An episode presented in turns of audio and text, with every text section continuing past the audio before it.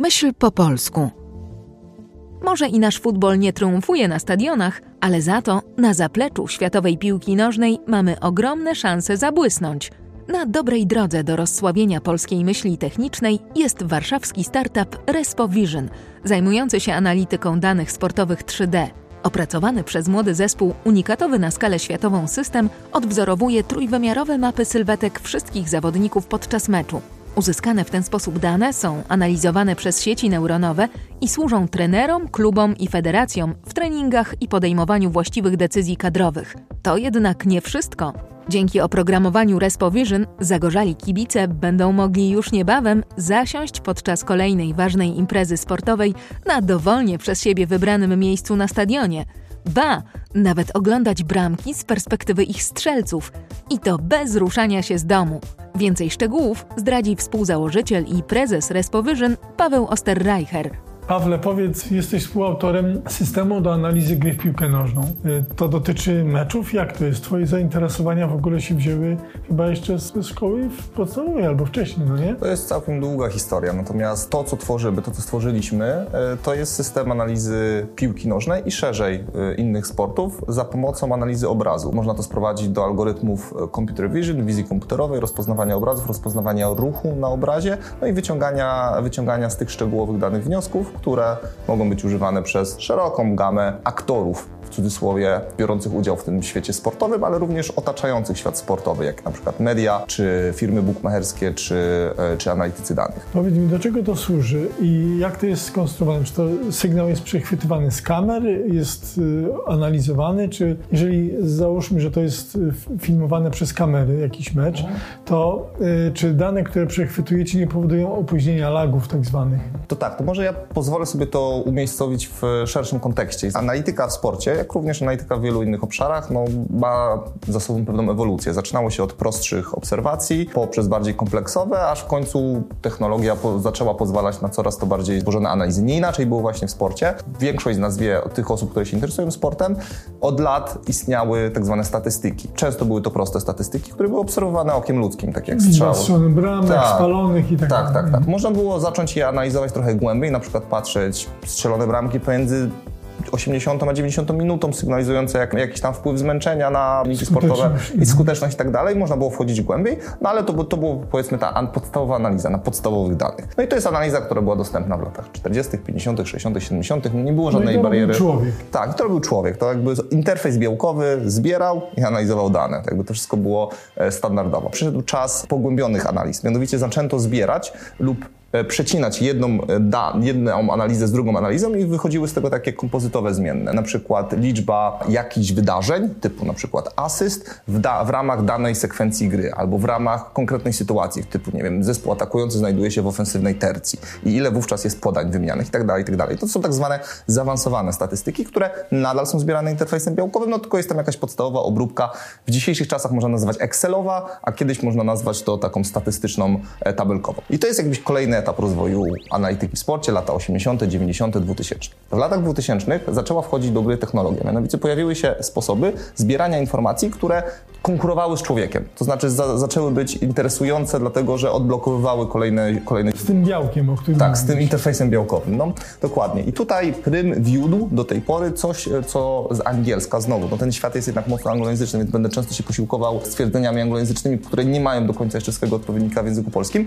Wszedł w latach 2000, 2000 w drugiej dekadzie XXI e, wieku tracking. Tracking, czyli śledzenie mhm. ruchu. Tak, tracking. I należy tutaj dodać, że to był tracking dwuwymiarowy, tak zwany 2D, 2D, jak zwał, tak zwał, który polegał na tym, że mamy obraz płaszczyzny i na nim sobie biegają kapselki. No i to jest ten, tenże tracking. Kapselki reprezentują w cudzysłowie...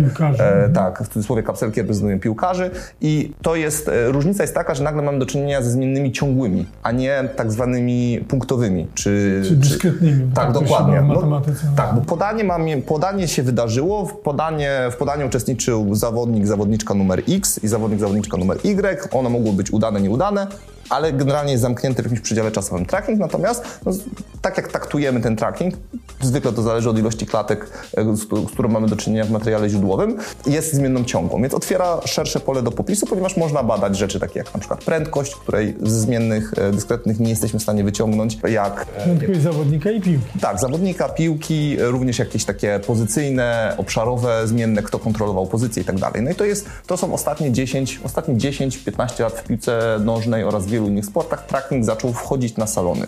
To znaczy zaczął otwierać nowe możliwości i został, coraz częściej jest, jest używany. Dzisiaj większość, większość aktorów w sporcie, mamy myśli klubów, federacji, jest obeznana i korzysta w różnym stopniu, głębszym, głębszym płytszym z tego, z tegoż trackingu. Kolejnym etapem rozwoju tej analityki w sporcie, etapem, w którym tym razem my kontrybujemy i dorzucamy swoją, swój, nie, swoją niemałą cegiełkę, jest pójście o krok dalej. Trochę logiczna konsekwencja. Ok, skoro mamy kapsle na płaszczyźnie, tracking 2D i mamy już algorytmy wizji komputerowej, czy, mm, czy generalnie te deep learningowe z sieciami neuronowymi, które oparte na architekturze sieci e, neuronowych, które pozwalają jeszcze głębiej, jeszcze więcej zrozumieć i ściągnąć, no czemu nie pójść o ten krok dalej? Tracking 3D, czyli trójwymiarowe e, śledzenie tego, co się dzieje na boisku. No i czymś takim jest nasz system. Czyli nasz system jest tym kolejnym krokiem ewolucji analityki w sporcie, który tym razem zbiera olbrzymią, bo to jest nawet nie jest rząd, to jest kilka rzędów wielkości więcej informacji, e, bo zbiera informacje na temat kilkudziesięciu punktów ciała zawodników, zawodniczek oraz piłki stale,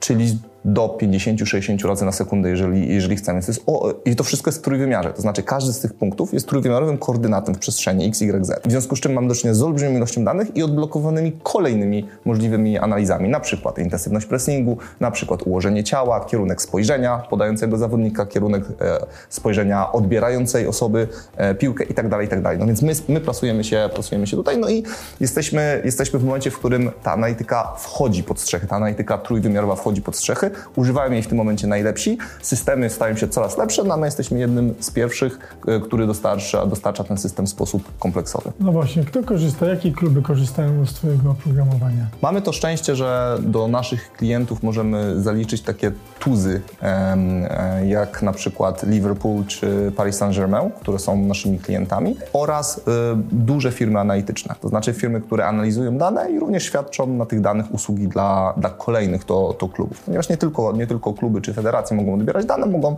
może to robić też ta, ta, ta warstwa pośrednia analityków, dla których te dane są również bardzo cenne. Czyli jak rozumiem, polska piłka nożna nie jest specjalnie zainteresowana tym oprogramowaniem? To jest, e, tutaj można udzielić wersji e, odpowiedzi krótkiej bądź długiej. Odpowiedź, po, odpowiedź powiedzmy... Wolę dłuższą. Wolę dłuższą, tak. Poziom użycia zaawansowanych e, statystyk jest skorelowany z generalnie zaawansowaniem i pozycją danej gałęzi sportu w szerszym kontekście, na przykład europejskim czy, czy światowym. No, nasza polska piłka na poziomie reprezentacyjnym jest całkiem dobra, na poziomie klubowym jest, e, jest dalece poniżej mhm. swojego potencjału, tak to, tak to nazwijmy, no bo szósty największy kraj w Europie ma 25, 28 ligę w Europie. No to to jasne jest, że jest to poniżej potencjału. I można powiedzieć, że to jest oczywiście uproszczenie, ale istnieje korelacja pomiędzy poziomem rozwoju piłki w danym kraju, a wykorzystaniem zaawansowanych statystyk. Na dwoje babka włożyła. Można to tłumaczyć oczywiście wynikowo, to znaczy, skoro korzystają z zaawansowanych, to są lepsi, ale to, to byłoby tylko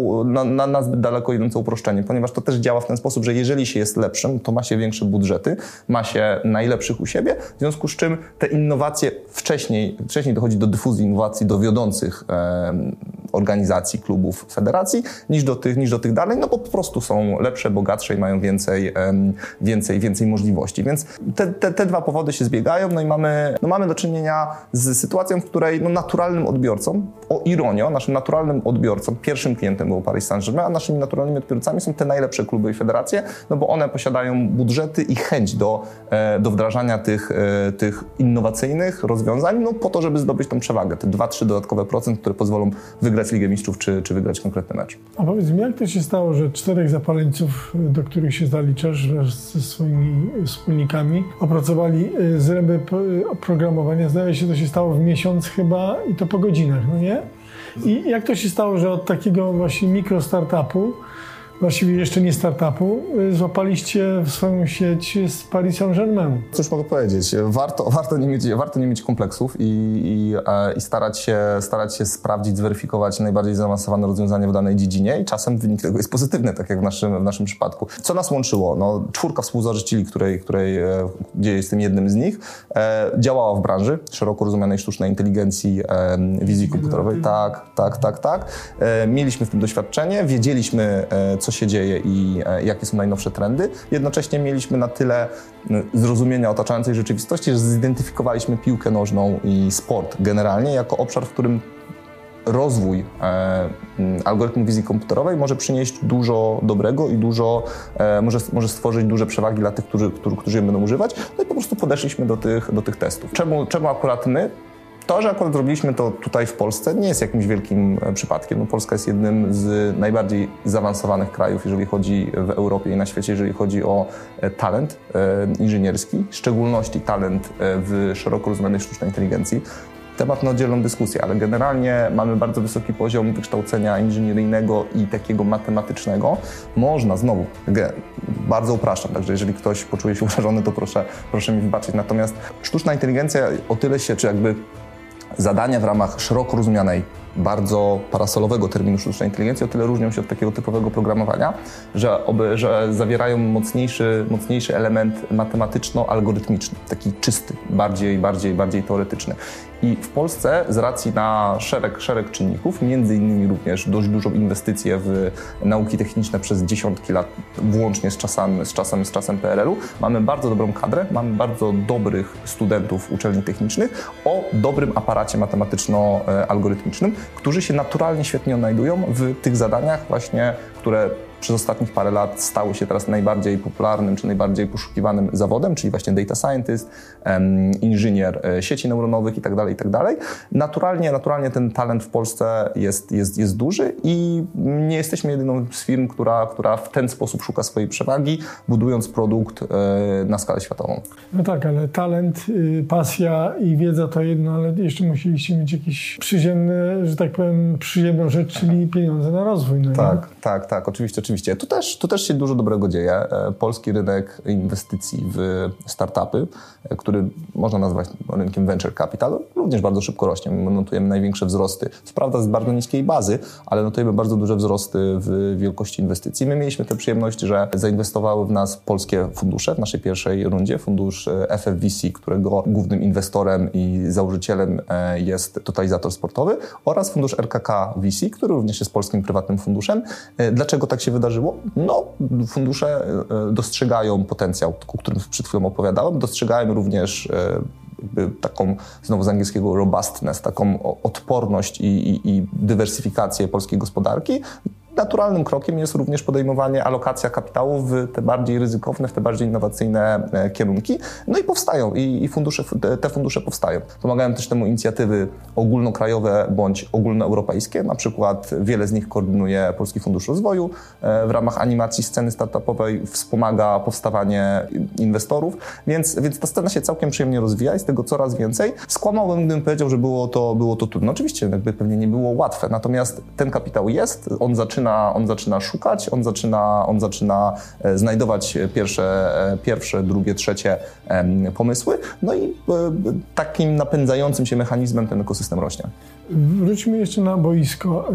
Wiem, że ten system, który w tej chwili jest, to dopiero jest sam począteczek, że pracujecie nad czymś fenomenalnym, to znaczy nad modelem, powiedzmy, sprzedaży biletów, że można sobie będzie siedząc w domu wygodnie na sofie, obejrzeć mecz z pierwszego rzędu, czy też z jakiejś loży. Ja nie, nigdy nie byłem na stadionie, więc nie wiem, ale jak powiedz mi, jaki, powiedz coś więcej o tym, w jaki sposób chcecie to zrealizować i jak na to wpadliście? Tak, tak. E, to, żeby, żeby to ułożyć w kontekście, to oczywiście do tej pory mówiliśmy o wykorzystaniu danych, to znaczy tych koordynatów, miar, które sczytujemy z obrazu do zdobycia przewagi, do, do wykonania konkretnych analiz itd., tak itd. Tak I oczywiście to jest nadal coś, czym, e, czym się zajmujemy, na co mamy klientów i, i, i świetne plany, plany rozwoju. No na koniec dnia chodzi o zdobycie przewagi. Nie wiem, jeżeli ja będę lepiej wiedział, jak ustawić drużynę albo jak e, zapobiec pewnym zdarzeniom, kontuzjom czy, czy niebezpiecznemu napastnikowi, napastniczce rywali, zdobędę przewagę. I to jest jakby wymiar danych. Szczytuję te dane, biorę dane, obrabiam i używam ich do zdobycia przewagi. No dobra, ale z tego będą korzystali trenerzy i kluby. Tak, dokładnie. jako y, widz, kibic, Jako widz, kibic e, czy, czy odbiorca e, sportu, który na koniec dnia liczebnie jest, jest to największa grupa, jest to na, największa i najbardziej atrakcyjna grupa. wzięliśmy szalików dzisiaj. Tak, tak, ale to każdy z nas pewnie jakiś, jakiś, szalik, jakiś szalik ma, jakieś sympatie posiada. No to proszę sobie wyobrazić następującą, e, następującą rzecz. Dzisiaj jesteśmy dość ograniczeni w, siłą rzeczy, ograniczeni czasem i miejscem. To znaczy dzieje się to wydarzenie, no na przykład Mistrzostwa Świata w Katarze. No i żeby je obejrzeć na żywo, e, to możemy oczywiście to zrobić w telewizji, ale tak na żywo, na żywo, no to trzeba pojechać na ten stadion. Trzeba wybrać się, no oczywiście w przypadku Mistrzostw Świata w Katarze te koszty bywają ogromne. Natomiast tak nie musi być. I jakby to, to jest jak piękno, to jest piękno e, te technologii i zmiany, którą ta technologia przynosi. Otóż coraz e, silniejszy i, i mocniejszy progres w szeroko rozumianym świecie wirtualnej rzeczywistości pozwala nam e, na, następujący, na następującą możliwość, nad którą pracujemy. Otóż budujemy wirtualny stadion. Jak, jak budujemy ten wirtualny stadion? No, dane już mamy. Dane stadionów to nie jest nic, nic trudnego, no to są oczywiście ustalone metryki i tak dalej. Dane piłkarzy, no właśnie to zbieramy w, naszych, w ramach naszej podstawowej działalności. Zbieramy kilkadziesiąt punktów ciała, przypom, przypomnę się, w trójwymiarze kilkadziesiąt razy na I sekundę. wystarczy zmienić rzut oka, że tak powiem, rzut oka kamery, żeby Dokładnie. odbiorca ma, miał wrażenie, że siedzi w loży, a nie na przykład gdzieś za bramką. Dokładnie, więc logicznym, logicznym kolejnym krokiem z, z tymi danymi jest odzwierciedlenie ich wirtualnej rzeczywistości w czymś, co można nazwać silnikiem do gier komputerowych. No i to te, te dane odzwierciedlamy i mamy wirtualną wersję meczu. I teraz olbrzymia przewaga tej wirtualnej wersji meczu. Ktoś może oczywiście zapytać, po co komu wirtualna wersja meczu, jak jest rzeczywista. No już mówię. Olbrzymia przewaga tej wirtualnej wersji meczu jest taka, że jesteśmy nieograniczani kamerami i fizycznością. To znaczy tym, że ktoś gdzieś siedzi i po prostu widzi to albo z 50 metrów, albo nie, no bo nie może się przeteleportować. No dobrze, ale będę musiał mieć okulary rzeczywistości Tak, wirtualnej, żeby tak. zobaczyć mecz z loży, siedząc w domu? Tak, no i wizja, i wizja produktu jest następująca. Software, o którym teraz mówiłem, zintegrowany będzie z, e, z narzędziem VR-owym, takim jak na przykład headset Oculusa, czy dowolnie innego dostawcy, z którym, z którym nastąpi integracja i wówczas z przysłowiowego fotela będzie można przenieść się w dowolne miejsce na stadionie i w meczu. I uwaga, nie będzie nas ograniczała ta fizyczność, to znaczy to, że jak siedzę, to widzę to tylko z jednej perspektywy. W ramach możliwości mogę przełączać te przysłowiowe kanały i widzieć mecz z trybuny, mogę widzieć mecz z ławki, e, tak jak trener, a mogę wręcz teleportować się na środek boiska i zobaczyć, rozglądając się, jak ta kluczowa akcja się rozegrała pomiędzy mną, aż wreszcie mogę nawet przedłączyć się na widok z oczu napastnika przysłowiowego Lewandowskiego, który strzela karniaka. który, strze- który bardzo skutecznie strzela, e, strzela, strzela rzut karny. Dokładnie. I zobaczycie, jak to dokładnie wyglądało, jak ten bramkarz się ruszał, jak rozejrzał się dookoła, co widział na trybunach i tak dalej, i tak dalej. E, budujemy system, który pozwoli tym szerszej liczbie kibiców w sposób o wiele bardziej pogłębiony, żeby tu użyć popularnego ostatnio słowa imersyjny, Czyli zanurzenie się. zanurzyć się w ten, zanurzyć się w ten mecz. Oczywiście, to nie jest, to nie jest takie hop to jakby nie, zaraz nie zacznę opowiadać o tym, że żyjemy w metaversie i zaraz się do niego przeniesiemy. Nie, jest dużo wyzwań, natomiast wizja wydaje się być y, jasna i dość frapująca. Mianowicie, no, przysłowiowy widz, kibic Manchester United z Malezji i przysłowiowy kibic innego sportu, nie wiem, Chicago Bulls z Warszawy, nie będzie już potrzebował, żeby poczuć to, ten, to, to, to podniecenie z bycia na miejscu, nie będzie już potrzebował się fizycznie przemieszczać, tylko będzie mógł z- zrobić to w sposób bardzo imersyjny. Oczywiście nie w 100%, ale jestem święcie przekonany, że 95 czy 98% imersyjności wystarczy. Ale ustawek nie będzie, nie? Dla każdego, co, dla każdego to, co lubi. E, tak, za pomocą tego sprzętu ustawek nie będzie, natomiast, e, natomiast oczywiście, oczywiście, e, oczywiście nie, nie, nie, nie przewidujemy tego. Powiedz mi, czy jakieś inne sporty macie na celowniku oprócz piłki nożnej? Tak, no urok tego systemu polega na tym, że na koniec dnia to, co my robimy z perspektywy technologicznej, to jest rozpoznawanie ludzi i ich części ciała w środowiskach, w których szybko się ruszają i się zderzają ze sobą, czyli takich sport, sportowych. No to tak naprawdę nie jesteśmy związani z konkretnym sportem. Już teraz dokonujemy transfuzji tego systemu na jeden e, z, na, dla jednej z wielkich lig amerykańskich, która jest zainteresowana takim samym, takim samym produktem dla swojej, dla swojej dziedziny sportu. No i z perspektywy technologii to nie jest jakiś wielki problem, ponieważ znowu na koniec dnia rozpoznajemy tych ludzi. Problem pojawiłby się, gdybyśmy zechcieli wejść w wyścigi konne. No jednak koń to nie człowiek, nasz system działa na częściach ciała człowieka, ale póki to jest człowiek, to nie ma żadnego problemu. Ale można chyba tak założyć, żeby konia o, oznaczyć odpowiednio i... W teorii tak, w praktyce to jest praktycznie niemożliwe, dlatego że budując ten system, nasz system spędził miliony godzin na trenowaniu się. Rozumiem. I datasety dla ludzi są. danych wejściowych. Dokładnie. I one są powszechnie dostępne dla ludzi. No wiadomo, no wszystko się kręci wokół ludzi, a dla koni nie są aż tak bardzo dostępne. W związku z czym pewnie z obecnymi danymi zbudowanie podobnego systemu dla kogoś innego niż człowiek wymagałoby olbrzymiego wysiłku e, do budowy tych datasetów, tych bazowych datasetów. A czy ten silnik, który, którego jesteś współautorem, jest w stanie y, posłużyć do analizy gier y, sportowych, na przykład jak FIFA? Tak, jak najbardziej. Tak, tak, tak. E, Teoretycznie ta możliwość istnieje, natomiast w praktyce, e, w praktyce nie jest to jeden z topowych, e, z topowych za, mm, use case'ów, czy, tego, czy, czy kierunków, w których to jest robić, właśnie z tej, z tej, z tej przyczyny, że, e, że żeby i tak czy siak na koniec dnia lepszy, lepszy dostęp mają, mają właściciele, właściciele tych gier. My myślimy o grach komputerowych w inny sposób, tak wręcz powiedziałbym z drugiej strony na to patrzymy. Mianowicie chcemy używać silników gier komputerowych i dokonań, te, dokonań w, tych, w tych dziedzinach do właśnie lepszego, lepszej rekreacji rzeczywistości. Czyli my nie chcemy używać rzeczywistości, żeby wyciągnąć. Odtwarzania. Tak, do, tak, tak. Nie chcemy, nie, chcemy, nie chcemy brać metod z rzeczywistości, żeby aplikować je do gier. Odwrotnie, my chcemy brać metody z gier i aplikować je do rzeczywistości, żeby stworzyć nową wartość, nową, bogatszą wersję rzeczywistości. Rozumiem. Więc tak, w portfolio macie kilka znanych klubów, plany pod, podboju Ameryki. Dlaczego zdecydowaliście się działać tutaj w Polsce, a nie na przykład w Londynie, w Paryżu? To jest świetne miejsce i czas na, na robienie takich rzeczy. Mamy, mamy, tak jak wspomniałem, olbrzymią, olbrzymią pulę talentu. Jesteśmy w pełni połączeni jako kraj w e, te, znowu z angielskiego, value chainy e, światowe, globalne. Nie stanowi żadnego problemu dogadanie się, sprzedaż, polecenie, ogarnięcie klienta takiego jak przysłowiowy Liverpool czy Paris Saint-Germain dla firmy, dla firmy z Polski. Stereotypami się nie przyjmujemy, bo ja odwróciłbym pytanie, dlaczego mielibyśmy tego nie robić w Polsce? O wiele łatwiej jest coś takiego dzisiaj zrobić w Polsce niż w Dolinie Krzemowej. Podam, na przykład, podam przykład. Jeżeli mamy do czynienia z rekrutacją w Dolinie Krzemowej versus w Polsce, my do naszego projektu potrzebujemy absolutnie topowych ludzi, ponieważ robimy coś, czego nikt na świecie nie zrobił, więc nie potrzebujemy ludzi kopiuj wklej, tylko potrzebujemy ludzi, którzy siądą, wymyślą, napiszą. No i tacy są nasi e, pracownicy. Natomiast w Dolinie Krzem, przysłowiowej Dolinie Krzemowej tacy ludzie mają oferty z największych firm na świecie, tych typowych Fagma, czy jak zwał, tak zwał, od, e, z najlepszych organizacji researchowych typu OpenAI, którzy notabene niedawno dość dużo fajnych rzeczy e, pokazali i wypuścili światu i tak dalej, i tak dalej. Więc startup w Dolinie Krzemowej, który nie jest w stanie zaoferować olbrzymich wynagrodzeń tymże inżynierom, ma dostęp do trzeciego, czwartego sortu talentu. Startup w Polsce Primasort. Ma dostęp do Primasort. W związku z czym jakby ja odwróciłbym pytanie. Budowanie tego w Polsce jest, daje większą szansę na sukces niż, niż odwrotnie. Super, dzięki. Idziemy haratnąć w gałę? Oczywiście, jak najbardziej.